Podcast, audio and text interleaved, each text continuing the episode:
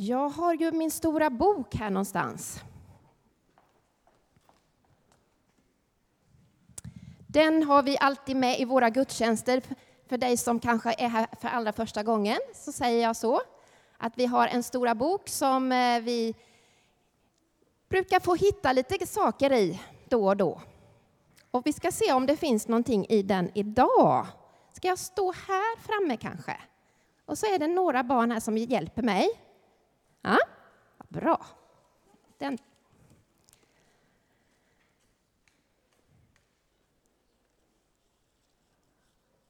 Vad var det för något?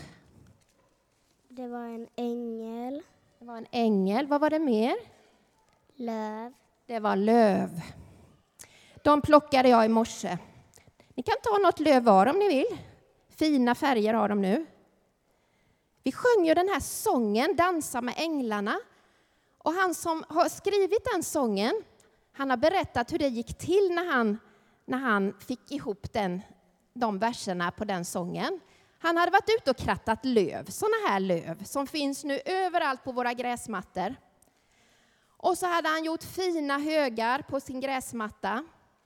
Och så tyckte han att han hade varit så duktig så att han gick in och vilade sig lite och tog lite kaffe.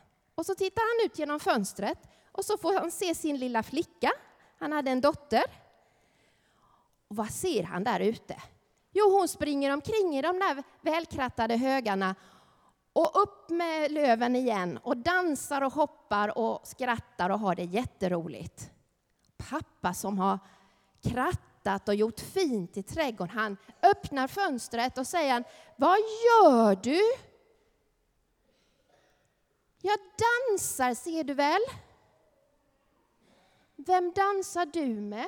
Ser ingen du dansar med? Jag dansar med änglarna, ser du väl? Änglar? Jag ser inga änglar. Men pappa, ser du inte änglarna? Nej, han såg inte dem. Men flickan hon såg änglarna där bland alla löven. Är det kanske så att ni barn ser änglar bättre än vad vi vuxna gör, tänker jag? Kanske. Ja, där är många löv. Det är en dag idag som kallas Mikaelsdagen. Är det någon som heter Mikael här? Där är en som heter Mikael. Det är din dag idag, Mikael. Kanske vi kan säga så. Men det finns en ängel i Bibeln som heter Mikael och det är därför som det heter den helige Mikaels dag idag. Och Mikael, han var en ängel. Hörrni, jag hade ju med mig en ängel också. Var tog hon vägen? Var tog min ängel vägen? Här är den. Här är den. Jag tror att hon har fått vara med i Stora boken någon annan gång. Jag tycker om henne. Är det så här änglar ser ut?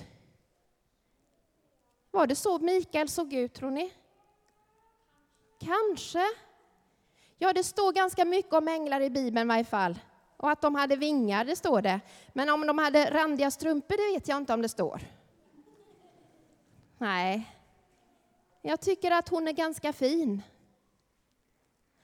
Mikael, han var en ängel som... Han var inte så där, kanske så där... Ja, hon är ju ganska söt. Jag vet inte om Mikael var så värst söt. För det står om honom att han, han kämpade mot det onda, mot det som var fel, som hade gått snett. Så jag tror att han, han såg inte så där glad ut kanske och vän ut som den här ängeln gör. Han var nog lite mer bestämd. Och han kämpade mot ondskan och han segrade, står det. Och det är därför som vi nu har den här dagen så här på hösten när löven faller och, och så talar vi om änglar just då för att komma ihåg Mikael. Och allt mörker som sänker sig över oss nu. Jag tror inte det är en tillfällighet att Mikaelsdagen ligger precis här i början på hösten. För nu har den mörka årstiden tagit över den ljusa. Nu är det fler och fler timmar som är mörka. Och då får vi påminnas om den goda kampens änglar. När det känns som om höstens mörker eller annat mörker sänker sig över oss. Jag vet inte om vi får se änglar så ofta, inte bland lövhögar och kanske ingen annanstans heller, men vi kanske får se änglar som är precis som du och jag, tänker jag. Så det kanske inte är så ofta vi får se änglar med, med vingar, men jag tror att vi får se änglar med randiga strumpor. Är det någon som har randiga strumpor på sig idag? Där har vi en. Och där har vi en. Ah, det spelar ingen roll. Ni, kan, ni behöver inte ha just randiga strumpor. Ni kan få ha prickiga och blåa och röda, vilka strumpor som helst egentligen. Men ni kan få vara änglar allihop. Jag tror att det är så att de vanligaste änglarna som vi möter, det är de som är som oss, som du och jag. Det där lilla, lilla, den där viktiga kramen som kom så där helt rätt, ni vet, när man behövde den. Eller den där, den där goa blicken som man får av någon när man känner att man, nej, nu är allt botten. Och så kommer det någon och piggar upp en. Eller ett litet kort. Eller en liten eh, pratstund. Att vi kan vara änglar för varann. Har ni hört att vi säger så ibland? Nu kom du verkligen som en ängel. Det här kändes som det var änglavakt, det här som hände. Vi använder liksom de, det ordet med änglar ganska ofta. Änglar, tron på änglar, de som vi kanske inte kan se, eller de änglar som vi får vara för oss, för var och en, för, för varandra.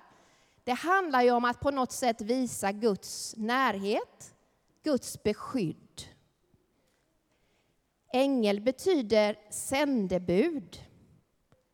När änglar kommer så är det hälsning från Gud. Änglar får vara sändebud och hälsningar från Gud.